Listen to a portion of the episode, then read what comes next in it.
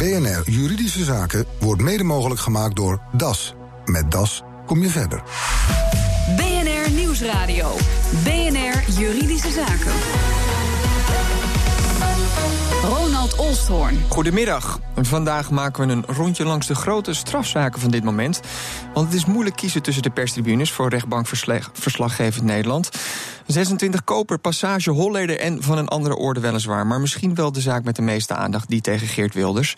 Straks de specialisten erover, maar eerst collega Nelke van der Heijden. Kort en bondig, waar zijn we aanbeland en waar gaat de zaak in het kort over? Als we even beginnen met 26 koper. Ja, daar is net deze week uitspraak in gedaan. Dat gaat om een criminele organisatie die liquidaties voorbereidde. En over een enorm wapenarsenaal bleek te beschikken. De hoofdverdachte kreeg al acht jaar cel. En dat is aanzienlijk lagere straf dan het OM had geëist. Ja, dan de langstlopende rechtszaak in de geschiedenis van Nederland. Maar die ga je ook even kort en mondig samenvatten. Het passageproces. Ja, dat is uh, en daaruit voortvloeiend ook Willem Holleder, ja? Nou, dat gaat om een reeks liquidaties in de jaren 90 en 0. Cor van Hout, John Mieren met zijn bekende namen erin. Een lang, lang slepende zaken waarbij in de passage nu het hoger beroep loopt. En waarin vier keer levenslang is geëist. En Holleder, ja, die heeft deze week weer de zoveelste proforma zitting. En dat is een zaak die ook nog wel even zal lopen. En dan als gezegd van een andere orde, maar uh, waar zijn we precies aanbeland in de zaak tegen Wilders? Daar is het nu wachten op de uitspraak. Die is 9 december. Het gaat natuurlijk om zijn minder-minder uitspraak. Rechters moeten zich uitspreken of het aanzetten tot haat is, aanzetten tot discriminatie of groepsbelediging. Oké, okay, dankjewel Nelleke. En bij mij in de studio Marjan Husken van Vrij Nederland, Paul Vught van het Parool en Chris Klomp van het AD. Van harte welkom allen. Um, ja, misdaadjournalist of rechtbankverslaggever, wat dekt de term eigenlijk beter, Paul? 50-50, oh, ik doe het allebei. Dus ja. Uh, ja, ik denk ook dat ik ongeveer de helft van mijn tijd uh, aan, uh, in de rechtbanken rondhang en de andere helft eigen onderzoek doe. En hoe geldt dat voor jou, Chris? Ik denk dat het bij mij wat meer uh, rechtbankenwerk is. ik heb denk ik in 17 jaar nu 6000 rechtszaken gedaan. Dus uh, ik zit iets, iets minder uh, aan de onderzoekskant. En dat blijft intrigeren als je inderdaad op zo'n bankje op de perstribune zit? Ja, ja. Absoluut. Kijk, het is natuurlijk agendajournalistiek. Je gaat niet daadwerkelijk op onderzoek uit en je, je, je luistert en je, en je schrijft op. Maar ik had vandaag ook weer zo'n bijzondere zaak van een oud vrouwtje. En dan, ach, bij de politierechter meteen uitspraak. ja, het is echt, echt fantastisch om te doen. Marjan, 50-50 net als bij Paul? Of, of toch ook nee, meer in de rechtbank? Nee, meer, meer, meer onderzoekskant. Okay. En met de rechtbank als uitgangspunt vaak. Ja, want daar eindigt het uiteraard daar natuurlijk eindigt allemaal. Het vaak, ja. ja. En je probeert slimmer te zijn soms. Uh, om echt uit te zoeken wat er echt aan de hand is. Of waar iets mis is gegaan. Ja, je probeert natuurlijk eerder te zijn dan justitie of, of de rechter eigenlijk. Dat zou helemaal mooi zijn, ja. Laten we beginnen met die eerste zaak, eh, Paul. 26 Koper. Um, mooie naam ook weer. Die onderzoeken dragen vaak mooie namen. Waar komt deze naam eigenlijk vandaan, weet je dat? Uit de computer van justitie. Nou, het is minder prozaïs dan je zou denken. Maar die, die zaak is, uh, zaaksnamen worden meestal at random gekozen. Oké. Okay. 17 jaar geëist door het OM, uiteindelijk maar 8 jaar gegeven. Het zou een groep zijn die, ja, daar waar je liquidaties op bestelling kon krijgen. Um, maar dus maar 8 jaar. Is dat een ja, mislukking voor het OM? Nou, het vreemde in die zaak is eigenlijk dat, het, uh, dat er minder licht zit tussen het oordeel van de rechtbank en de visie van justitie dan je zou denken. Maar het heeft met de wet te maken. de rechtbank heeft gezegd, weliswaar lijkt dit een criminele organisatie te zijn die zeer professioneel liquidaties voorbereiden, die ook over enorm aantal wapens beschikte. Die ook een eigen observatieteam erop nahield. Uh, waar zeker vijf uh, kennelijke doelwitten werden bespioneerd, zeg maar. Uh, daarvan uh, heeft de rechtbank gezegd: ja, alles wijst erop dat, uh, dat hier sprake is van het uh, voorbereiden van liquidaties. Maar, dan komt de grote maar. Uh, om voorbereiden van een liquidatie bewezen te verklaren, moet je ook echt heel duidelijk weten dat een bepaald doelwit of meerdere doelwitten uh, per se geliquideerd zouden worden. En niet bijvoorbeeld ontvoerd of afgeperst. Dus de rechtbank zegt ja, dat is, staat onvoldoende vast. Het is onvoldoende concreet geworden in dit dossier dat het ook echt om liquidaties uh, gaat. Overigens zijn twee van die doelwitten inmiddels wel geliquideerd. Maar toen was de, uh, de zaak al lang bezig. De rechtbank zegt het staat onvoldoende vast. Gewoon dus, dat dus het... eigenlijk een, bijna een onbewijsbaar delict, het voorbereiden van liquidaties. In, nou, in elk geval niet bewijsbaar op, de grond van, op grond van dit dossier. Ongetwijfeld komt er hoger beroep. en dan zal justitie proberen nog concreter te zijn. Er zijn ook allerlei ontwikkelingen nog gaande waarmee ze dat misschien hopen te kunnen gaan bewerkstelligen. Maar je voelde ook echt wel de pijn bij de rechtbank dat ze deze verdachte niet tot meer dan acht jaar konden veroordelen. En dat heeft ermee te maken. Het zwaarste delict dat nu bewezen is verklaard is criminele organisatie. Daar staat maximaal zes jaar op. En dat mag je dan met maximaal een derde weer vermeerderen als er nog een ander groot misdrijf is. Dus zo komen we aan acht jaar. Maar je voelde wel dat de rechtbank dat ook te weinig vindt. Maar ja, de wet is de wet. Ja, uh, we gaan het natuurlijk straks ook over passage hebben. Maar dat zijn natuurlijk met name liquidaties van alweer een tijdje geleden. Zo'n zaak als 26 koper is meer een beetje misschien van nu. Loopt volop nog. Ja, ja, ja zou, zou, je kunnen zeggen dat dat meer. De, de, rechtbank was dus duidelijk geschokt hoe het er daar aan toe ging. Um, dat het meer zegt over hoe de zware jongens vandaag de dag opereren? Nou ja, kijk. Um, het, het is niet, hier en daar is wel gesuggereerd in de media dat dit voor het eerst een organisatie is die zich uh, liet inhuren voor liquidaties. Nou, dat is flauwekul. Dat hebben we in het verleden ook al, uh, al uh, meer dan eens gehad. Wie weet bijvoorbeeld nog over de zaak die de Tattoo Killers ging heten. Nou, dat was ook een groep die op bestelling liquidaties zou plegen. overigens is het ook maar beperkt bewezen verklaard. Um, wat je wel ziet is, deze zaak loopt nog volop. En dat zie je doordat twee van de uh, vijf personen die geobserveerd waren door deze groep, uh, gaandeweg het proces ook uiteindelijk nog geliquideerd zijn. Alleen dan is het natuurlijk weer niet te bewijzen. De verdachte over wie het gaat zitten vast. Dus bewijsbaar is dat die er iets mee te maken hebben dat uh, die mensen uiteindelijk zijn, zijn geliquideerd. Maar je merkt wel dat dit heel erg tegen de actualiteit, midden in de actualiteit zit, nog deze zaak. En, en, is die Morris dan heel erg veranderd in het wereldje, als je dat vergelijkt met de heren die terecht staan in de passagezaak? Nee, dat denk ik niet. Dat wordt ook wel eens gezegd van vroeger schoot ze ook geen echtgenoten zijn kinderen Nou, uh, ten eerste gebeurde dat wel. Uh, er zijn uh, meer dan eens vrouwen vermoord die gewoon naast hun man bijvoorbeeld in een auto zaten. Ehm, er zijn kinderen bedreigd en, uh, uh, en, en ingezet voor, uh, voor bijvoorbeeld afpersing. En uiteindelijk ook het risico gelopen dat die bij liquidatie zou worden gepakt. Wat je wel ziet is dat het een stuk roekelozer is tegenwoordig. En dat niet zozeer de verdachte uit 26 koop, maar wel, je ziet heel vaak nu in liquidatiezaken dat, dat de schutters gewoon hun wapens niet weten te hanteren, bijvoorbeeld. En die zomaar lukraak met een Kalashnikov schieten, duidelijk niet weten hoe dat ding werkt. Uh, al drie keer recent zijn in Amsterdam en omgeving uh, de verkeerde mensen doodgeschoten. Redelijk vast staat dat.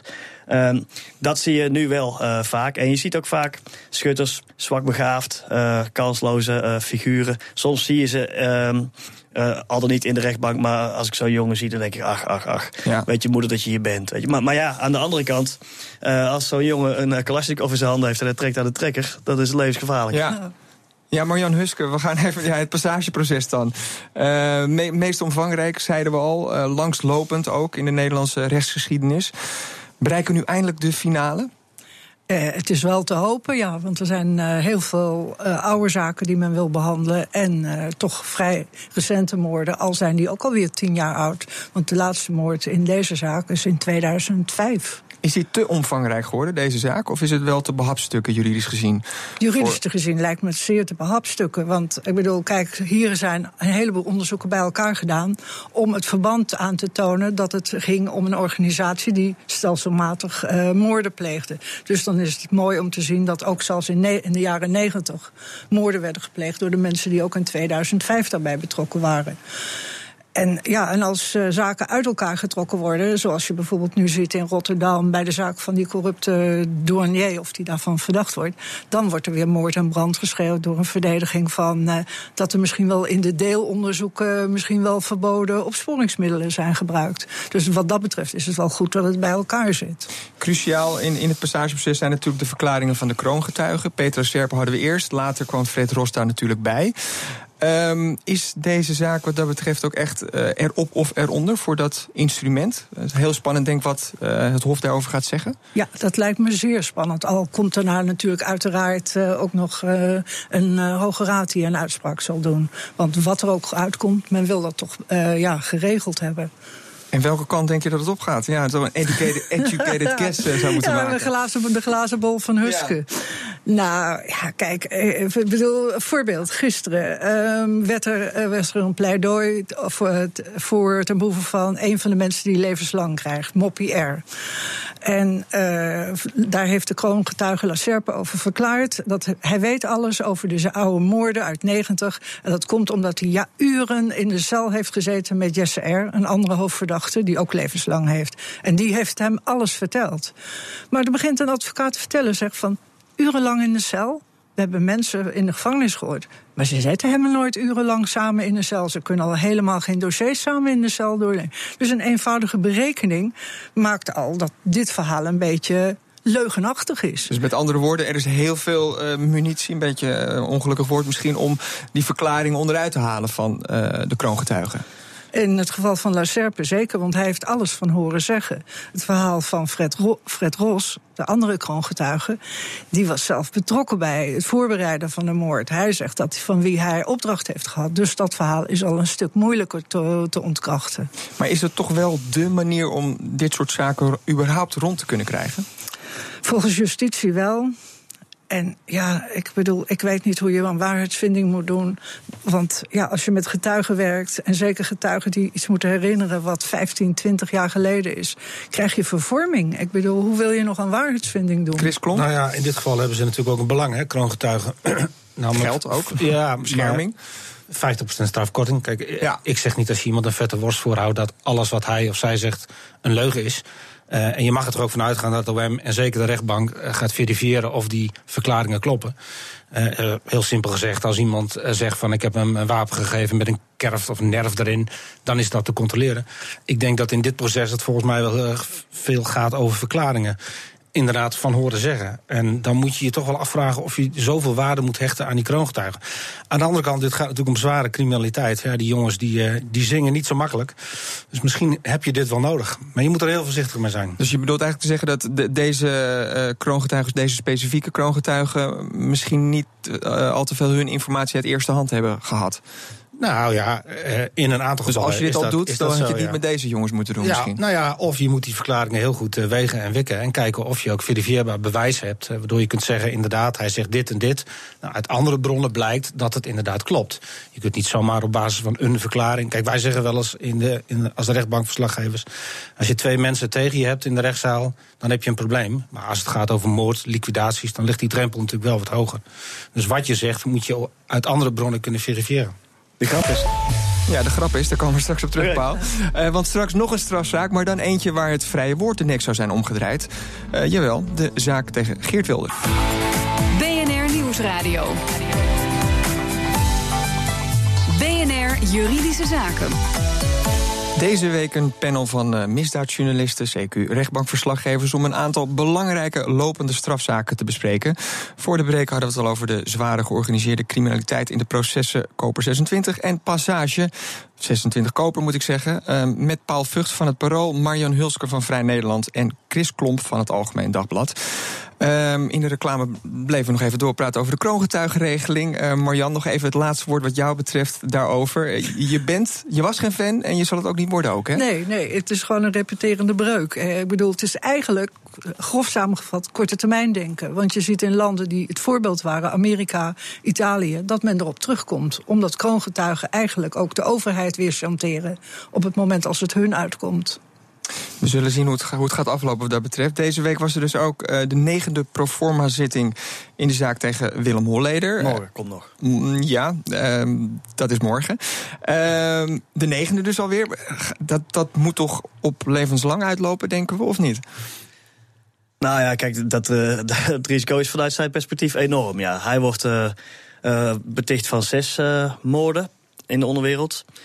Hij heeft een heleboel bewijzen in de zin uh, tegen zich van mensen die in het milieu hebben gezegd: Oh, ik, ik ga doodgeschoten worden en Willem Holleder zit erachter. Die zijn doodgeschoten. Daar zijn verschillende voorbeelden van. en natuurlijk de inmiddels roemruchte verklaringen van de twee zussen en ex van, van Holleder. Dat is meer voor de overtuiging misschien bij de rechtbank. dat, dus zij vertellen um, hoe, hoe, zij altijd in de greep van Holleder hebben uh, gezeten. Nou ja, dat hele pakket samen, dat, uh, daar zou ik me als ik hem was wel zorgen over maken. Aan de andere kant is er ook weer niet heel veel keihard bewijs uh, tegen hem. en geen smoking gun, om die term er maar even in te gooien. maar, in maar veel die, gevallen. die, ja, toch die, die verklaringen van, van de zussen en zijn ex-partner, ja, die hebben toch wel uh, een heel nieuw licht op de zaak geworpen? Of, nou, die zijn wel heel zin... belangrijk. Maar zij zeggen bijvoorbeeld, en ze, ze hebben ook wel op, opnames gemaakt. Zij zeggen bijvoorbeeld, uh, hij heeft ons altijd in vertrouwen genomen en, en uh, laten, heel duidelijk laten weten dat hij bijvoorbeeld Cor van Hout heeft doodgeschoten. De man van een van de zussen. maar ja, dan zeggen ze, hij vertelt het voor een deel en verder was het met gebaren. Dan maakt hij een handgebaar waaruit zij opmaakte dat het een pistoolschot was. En dan kunnen ze, ja, zo, zo praten wij met elkaar. Soms was het iets met zijn ogen.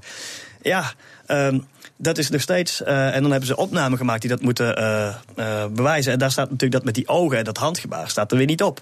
Dus Holleder's advocaten zullen nog vol de, aan, de tegenaanval inzetten. En proberen die zussen ehm, weg te zetten als ja, vrouwen die van alles interpreteren. En die natuurlijk kwaad zijn om ja. wat ze in het verleden is gebeurd. Maar dat wilde niet zeggen dat heel Holleder die moord heeft gepleegd. Dus die zaak kun je wel een beetje uittekenen hoe dit, die gaat verlopen. En die gaat ook heel lang duren. Ja, we laten hem ook even voor wat hij is nu. Want we gaan het hebben over een, een andere strafzaak. Wel een hele fundamentele strafzaak. Namelijk die tegen Geert Wilders. Uh, Chris, ik kijk jou even aan. Want uh, die verdachte, de politicus meneer Wilders... heeft wel een hele nieuwe invulling gegeven aan het laatste woord van de verdachte. Hè? Ja, breek me de bek niet open, zou ik bijna willen zeggen. Ik, ik, ik vond het echt stuitend. Kijk, uh, laten we één ding duidelijk hebben. Het is zijn recht. Hij heeft het recht op het laatste woord. Uh, maar wat ik zo stuitend vond, is dat hij vanaf het begin heeft gezegd... de rechtszaal is geen plek voor het debat. Nou, daar was hij principieel in. Hè. Tijdens de inhoudelijke behandeling was hij er niet. Daarmee negeert hij het OM, de rechtbank. Hij negeert de advocaten van de aangevers. Maar goed, kan principieel zijn. En dan gaat hij uitgerekend op het laatste moment... waar hij zo min mogelijk verantwoordelijkheid uh, moet tonen gaat hij een, een, wat was het, 35, 40 minuten durend politiek pamflet uitspreken. Hadden de rechters in moeten grijpen? Nou ja, dat is natuurlijk heel lastig, want wraking ligt altijd op de loer. Uh, het is op zich, laten we zeggen, in de praktijk wordt een laatste woord bijna altijd onderbroken. Omdat een, je laat de verdachte eerst wat frustraties uiten. Vervolgens gaan verdachten vaak herhalingen doen. Nou, dat, daar is het laatste woord gewoon niet voor. Dan, dan word je onderbroken. Hier is het natuurlijk lastig, want die rechters weten ook wel... als we iets zeggen, dan krijgen we de volle laag. Wat mij betreft hadden ze het mogen doen. Maar goed, dat is niet gebeurd. Maar, maar dit hele fenomeen um, ja, werpt ook de vraag weer op... van had deze zaak überhaupt voor de rechter gebracht moeten worden? Ja, ik denk dat je daar niet aan ontkomt. Hè. Je moet niet vergeten dat je ten eerste... Wilders had al een rechtszaak achter de rug. Daar is hij vrijgesproken. Maar heeft de rechter wel gezegd... u loopt op de grens, of woorden van gelijke strekking. Er lagen natuurlijk 6600 nog wat aangiftes. Dus je, ik, ja, het, is, het zou, laat ik het zo zeggen, het zou een politieke beslissing kunnen zijn... om hem niet te vervolgen. Dat, hè, dat zou ook zo uitgelegd kunnen worden. Wat denken jullie, collega's? Nou, ik vind dat het terecht is dat je je daarover laat uitspreken. Ik bedoel, Wilders zegt dat hij is voor vrijheid van meningsuiting. Maar hij is altijd ook voor om anderen de mond te snoeren. Dus hij meet altijd met twee maten. En hetzelfde zie je van, ja, het is een politiek proces... en vervolgens gebruikt hij het proces politiek. Dus ja, ik vind het eigenlijk wel, uh, wel goed. En je kan die mensen die aangifte doen, kan je niet negeren, vind ik. En de hele magistratuur die loopt ook uh, op eieren, lijkt wel. Uh, dat, dat zie je dus ook bij zo'n laatste woord. Uh, ik las ook wel een interessant uh, uh, commentaar van NRC Handelsblad. ja, heeft dat nog effect nog steeds op, grote woorden altijd... maar het geloof van de mensen, het vertrouwen in de rechtsstaat? Nou, dat vind ik er ook zo stuitend aan. Dat je dus een politicus met een moet ervan uitgaan, een enorm electoraat ziet. die eigenlijk de rechtspraak een beetje belachelijk maakt. Of er in ieder geval een karikatuur van maakt. Hij zet, het, hij zet officieren van justitie op gelijke voet met terroristen. Eigenlijk zegt hij dat het een groot complot is samen met de politiek om hem te veroordelen. Ik denk dat heel veel mensen die misschien niet zoveel verstand hebben van rechtspraak als wij hier met z'n drieën. dat die denken: wow, hij heeft wel een punt. En het is, het is ook allemaal een complot en een, en een zootje. En ik vind dat hij die verantwoordelijkheid had moeten nemen. Paul? Het gekke is, zijn laatste woord zat vol met drogredeneringen en zaken waar hij normaal op zou zijn tegengesproken. En omdat hij kiest voor het laatste woord als podium en die rechters inderdaad niet ingrijpen, nou ja, staan zijn beweringen voor, voor de gemiddelde luisteraar misschien, die, die toch al aan zijn kant zou staan, het, kan het als een huis uh, staan. Zo klinkt het. Maar er is natuurlijk van alles af te dingen op. Uh, ik denk niet dat het OM gelijk te stellen is met een terroristische organisatie. Zo cynisch ben ik nog niet. Nee, nee dat, dat, dat, lijkt mij ook niet. Maar er is ook na afloop niet ingegrepen. Hè. Er was één advocatenkantoor die iets heeft gezegd. Nou, dan kun je bij twijfelen waarom het een advocatenkantoor voor het OM moet opkomen. Maar Raad voor de Rechtspraak, uh, Orde van Advocaten, niemand heeft van gewoon in een vlammende column een keer gezegd: jongens, dit kan niet. De rechtspraak moet je eren. Nu ga je te ver. 9 december uitspraak. Welke kant denken jullie dat het opgaat? Weer die glazen bol. ik kan. Uh, Het is het geheim van de raadskamer. Wat denk jij, Chris? Ik denk dat het een dubbeltje op zijn kant wordt. En dat heeft ermee te maken. Kijk, bij een gewone diefstal heb je niet veel jurisprudentie nodig om te bepalen: dit is een diefstal. Klaar. In dit geval gaat het. De kern van de zaak is natuurlijk ras. Hè. Uh, Wilders zegt het gaat om nationaliteit, dus geen discriminatie. Het OM zegt het gaat om ras. Dat moet ook wel, want artikel 137 draait om ras. Nou, onder dat wetsartikel zit een enorme berg jurisprudentie en rapporten en dissertaties over wat de politiek ermee wil. En dan zie je inderdaad terug dat, dat in een breder context ras ook kan slaan op nationaliteit, op bijvoorbeeld gemeenschappelijke kenmerken als huidskleur, culturele waarden, etniciteit enzovoort. Als de rechtbank die interpretatie overneemt, verwacht ik dat het dubbeltje net richting een veroordeling valt. Als de rechtbank zegt we gaan strikter hanteren, dan wordt het vrijspraak. Paal nog 10 seconden. Je ziet dat de klok al in het rood staat. Dus, ik voorspel niks. Oké, nou ik wil jullie hartelijk danken voor jullie komst naar de studio. U hoorde Chris Klomp van het AD, Paal Vugts van het Parool en Marjan Huske van Vrij Nederland. BNR Nieuwsradio. BNR Juridische Zaken. Schoenen die door de bus vliegen, haren trekken bij het vervoer van haar gehandicapte dochter, lijkt het luisteraar Annemijn geen overbodige luxe om extra begeleiding op de bus te houden. De juridische vraag van de luisteraar in een verslag van Nelke van der Heijden. Annemijn, je hebt een gehandicapte dochter en die wordt elke dag met een busje opgehaald, allemaal prima geregeld tot onlangs de begeleider van de bus verdween? Ja, de begeleider in de bus uh, die uh, de kinderen begeleidt... die achter in de bus zitten, die is wegbezuinigd. We hebben als cliëntenraad een advies uh, gegeven onlangs... om deze begeleider in de bus te houden. Om die kinderen te kunnen begeleiden wanneer zij op weg gaan. maar dat advies is niet opgevolgd. En met het resultaat dat die begeleider ja, er niet meer is op dit moment. En wat betekent dat voor het vervoer? Dat betekent uh, dat de kinderen uh, zonder begeleider achter in de bus zitten. Dus natuurlijk wel een chauffeur die uh, de bus rijdt. Maar wat je ziet is dat deze kinderen zich gaan vervelen, aan elkaars haren gaan trekken, schoenen uitdoen. Nou ja, wat laatst is gebeurd is dat ze ook echt schoenen door de bus zijn gegooid. En dat leidt natuurlijk uh, tot onveilige situaties, ook voor de chauffeur zelf. En uh, ja, dat wil je niet. Dat uh, gaat namelijk de, om de veiligheid van je eigen kind, maar natuurlijk ook om de veiligheid van de andere kinderen in de bus. Ja, maar goed, dat advies van de cliëntenraad is dus niet opgevolgd. Wat nu? Nou, wat mijn vraag is, is ehm, of zo'n advies zo makkelijk eigenlijk verworpen kan worden of je daar nog juridische stappen tegen kan ondernemen. Omdat je zelf als ouder ziet dat er onveilige situaties uh, ontstaan. En ja, wat je natuurlijk niet wilt, is dat er bijvoorbeeld een ongeluk gebeurt. Of uh, dat de chauffeur op een andere manier afgeleid is. En ik ben ook benieuwd wie er dan aansprakelijk is als er iets misgaat. Is dat dan de zorginstelling of is dat de vervoerder? Dat is mij nu op dit moment niet duidelijk. Verduin van KBS Advocaten. Hoe zwaar weegt nou zo'n advies van een cliëntenraad? Nou, het advies weegt zwaar. Uh, de bedoeling is dat de cliëntenraad ook echt invloed kan hebben op het besluit dat door de zorgaanbieder wordt genomen.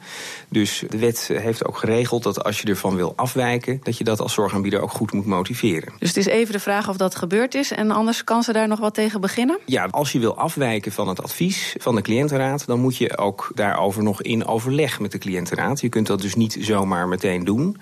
Uh, dus de vraag is of dat is gebeurd. En als dat is gebeurd uh, en je, je houdt toch als cliëntenraad daar, uh, je, je houdt daar moeite mee, dan heeft de wet geregeld dat je nog een commissie van vertrouwenslieden kunt inschakelen. Die kan bemiddelen en zo nodig een bindend advies kan geven. En zijn dat dan haar opties? Want zij, ja, er vliegen soms schoenen door die bus. Dus heeft echt het idee dat er een onveilige situatie is. Kan zij juridisch iets doen om die begeleider terug te krijgen? Nou ja, ook los van de cliëntenraad is het zo dat de zorgaanbieder de verplichting heeft op grond van de wet om in ieder geval veilige zorg uh, aan te bieden. Dus als er onveilige situaties zouden bestaan, dan de, de inspectie houdt daar toezicht op. Dus dan zouden ze daar ook nog een melding kunnen doen, bij wijze van spreken. En dat betekent dan wel een gang naar de rechter? Nou, niet per se. De inspectie moet dan zelf onderzoek doen. Uiteindelijk kan dat wel leiden tot het nemen van maatregelen. En eh, als de zorgaanbieder het daar niet mee eens is, dan moet je naar de bestuursrechter. Die begeleider is op dit moment weg. Dan vraagt zich ook af, wat nou als er toch onverhoopt iets misgaat is dan die vervoerder aansprakelijk of de zorginstelling? Dat hangt er vanaf met wie de ouders het, het contract sluiten voor dat vervoer. Als dat is geregeld via de zorgaanbieder, dan is de zorgaanbieder dus ook eh, voor alles verantwoordelijk. En dus ook aansprakelijk als er iets misgaat. Maar goed, als de vervoerder zelf een fout maakt en iets te verwijten valt, dan kun je behalve de zorgaanbieder ook de vervoerder aanspreken. Voldoende aanknopingspunten dus volgens advocaat Juriaan Verduin in een verslag van Nelke van der Heijden. En heeft u zelf een juridische vraag, u kunt hem naar ons mailen. Het adres is juridischezaken.bnr.nl. Dit was de uitzending voor vandaag. Terug te luisteren via bnr.nl slash juridische zaken. Mijn naam is Ronald Olstorn. Tot de volgende zitting.